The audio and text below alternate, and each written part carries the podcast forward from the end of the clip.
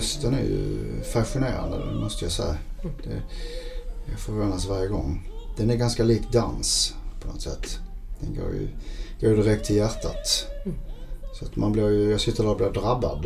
Eh, vilket är helt fantastiskt när jag ändå har hållit på så många år som jag har gjort.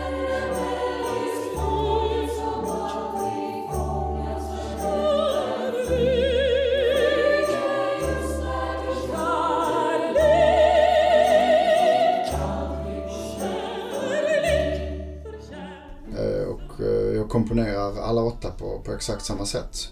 Så, och, och de har ju fått mer eller mindre eh, samma uppgifter också. Men det, det blir kanske, mm, ser kanske annorlunda ut när en operasångare löser sina fysiska uppgifter. kontra, kontra en professionell dansare. Men det är också charmen i det hela.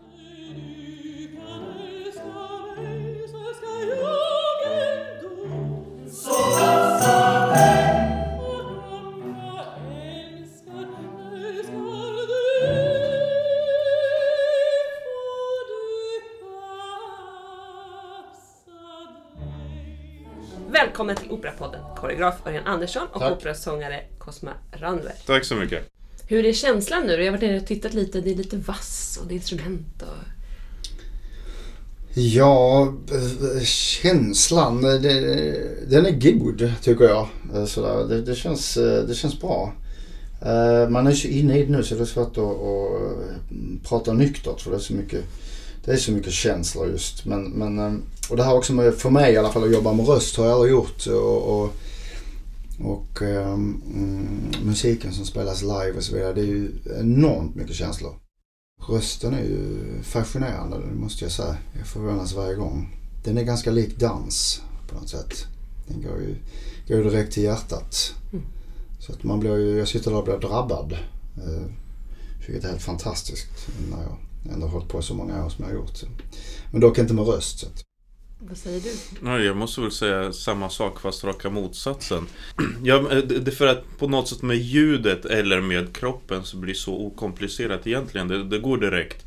För att det inte är det det är inte intellektuellt i, i sin ursprungliga form. Till skillnad från till exempel talteater där du till exempel du har ju orden, det ska ju liksom tänkas. Här har du bara en form. Eller ett ljud.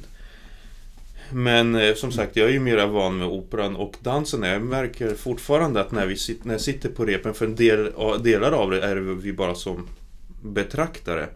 Och jag märkte att under de här veckorna vi har repat har jag inte en enda gång så här, fladdrat bort i tanken och så tänkt på så här, ah, okej vad ska jag käka till middag eller vad ska jag göra? Utan jag, så här, även om jag har sett samma sekvens hundratals gånger vid det här laget så är jag lika uppslukad av det som från första gången. Och det är inte för att åh nu fick de till det bättre idag än igår eller något sånt där. Jag är lika uppslukad verkligen. Det är helt magiskt. Örjan, du hade ju en idé från början att eh, sångarna ska dansa och dansarna ska sjunga. Har du lyckats få dem till det? Eh, ja men det tror jag faktiskt. Eh, vi, vi, vi är ju en grupp på, på fem professionella dansare. och- Men, men, men alla åtta eh, gör ju så att säga eh, mer eller mindre samma koreografi. Eh, och komponerar alla åtta på, på exakt samma sätt. Så, och, och de har ju fått mer eller mindre eh, samma uppgifter också. Men det, det blir kanske, mm, ser kanske annorlunda ut när en operasångare löser sina fysiska uppgifter. kontra, kontra en, en professionell dansare. Men det är också charmen i det hela. Likväl som vi har eh, yngre människor med och, och, och eh, äldre då, seniorer som är upp mot en 80 kan jag tänka. Men det är klart, det, det är ju jäkla härligt att säga det. Hur är det att dansa, Cosma? Ja men jag tror så här, ibland så känner man sig som en, så här, som en slags pingvin som försöker flyga i en skock med massa riktigt flygfärdiga fåglar. Och det, men man får göra det bästa man kan. Så jag har också upptäckt att när man dansar omgiven med, eh, med professionella dansare att när man, det man ser runt omkring, man, man tror så lätt att man har samma kropp.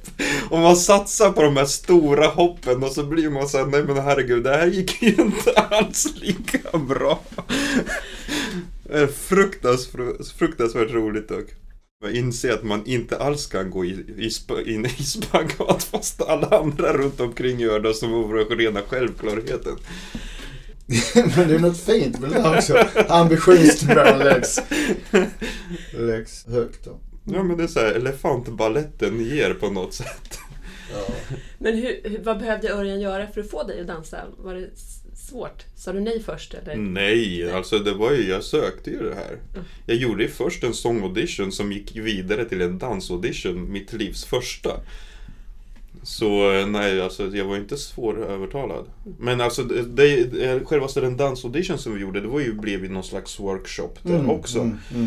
Och jag insåg ju också under, den, under de två timmarna som vi höll på så att det här är fruktansvärt kul. Jag måste ju bara få det här. Det här vill jag verkligen göra. Så jag, är- jag är överlycklig över det här. Tycker du att dansen tillför någonting till din tolkning av Escamillo? Eh, ja, det gör den definitivt. Därför att det är ju något, det är något väldigt fysiskt. Alltså Escamillo är ju en toreador.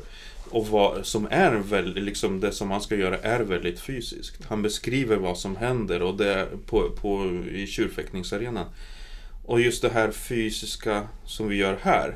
Överhuvudtaget att jag bör, överhuvudtaget har dansat i 45 minuter kanske innan jag ens tar ton. Allting så ger en rätt, rätt inblick i liksom en, man, man, är, man är varm i kroppen på något sätt. Det är ju alltså man, jag tror eh, för mig är det mycket också musiken och energin i musiken vad den liksom, eh, vad som är andemeningen i den. Mm. Och när jag, när jag ser er sjunga och så, här, så det är väldigt likt, just den delen är väldigt lik, eh, jag vet inte, heavy metal eller, alltså det, det är väldigt sådär hardcore Mm. rätt ut och det är liksom en fass. Ja men vi har, ju, vi har ju också pratat om Freddie Mercury och sånt här ju som Ja, ja, jag ska tycker Mirja, det är- Att man kunde applicera liksom mer, lite modernare toreadorer som man kan ja. relatera till mer än, än Och det tror jag inte vi har varit rädda för heller. Att Nej. på något sätt hoppa ur själva eh, eh, föreställningen och bara leverera de här numren så att säga. Mm. I, i, i, eh, Eh, ut sådär. Jag tycker det är kul att, att leka med formen också i föreställningen. Eh, Örjan, den här musiken, Carmen har ju många hört jättemånga gånger och du också tror jag. Men nu när ni har jobbat så intensivt med det, upptäcker man nya saker i musiken? Eller tröttnar man? Eller vad händer? Nej men jag, jag, tycker det är skoj att hålla på med olika slags musik. Jag, jag är allätare, jag har varit det i alla år. Alltså jag har jobbat med allt från samtida elektronisk eh, konstmusik till, till Shostakovich till eh, Tchaikovsky och så vidare. Så att det här är väl egentligen inte nytt att jag tar sådär eh, det kanske att Carmen, det är ju det är ju sådana örhängen just också som vi har plockat ut i ariorna och så Mm. vidare. Så att de är ju det mesta är ju hört många gånger av, av de flesta i någon slags allmän kulturarv som vi har. Eh, så det är, det är liksom en utmaning att kunna hitta, hitta in i det där. Och, eh, men eh, det är förvånande också hur, hur drabbad man blir av de här. Trots att jag har hört dem så många gånger så är det ju, hittar man rätt ingång till, till och rätt bilder till exempel blomsterarian så, så mm, är det fantastiskt. Sen är det klart att eh, jag kan inte all eh, kanonmusik. Carmen-musik. Eh, jag kan väldigt lite om, om opera, så har sett väldigt lite opera. Men, men jag gick, jag försökte uppdatera mig lite grann på, på, på ett annat operahus här i stan. Och, men men Uh, det, alltså slutscener och sånt där i, i operan uh, hör jag för första gången. Men det är ju fantastisk uh, musik.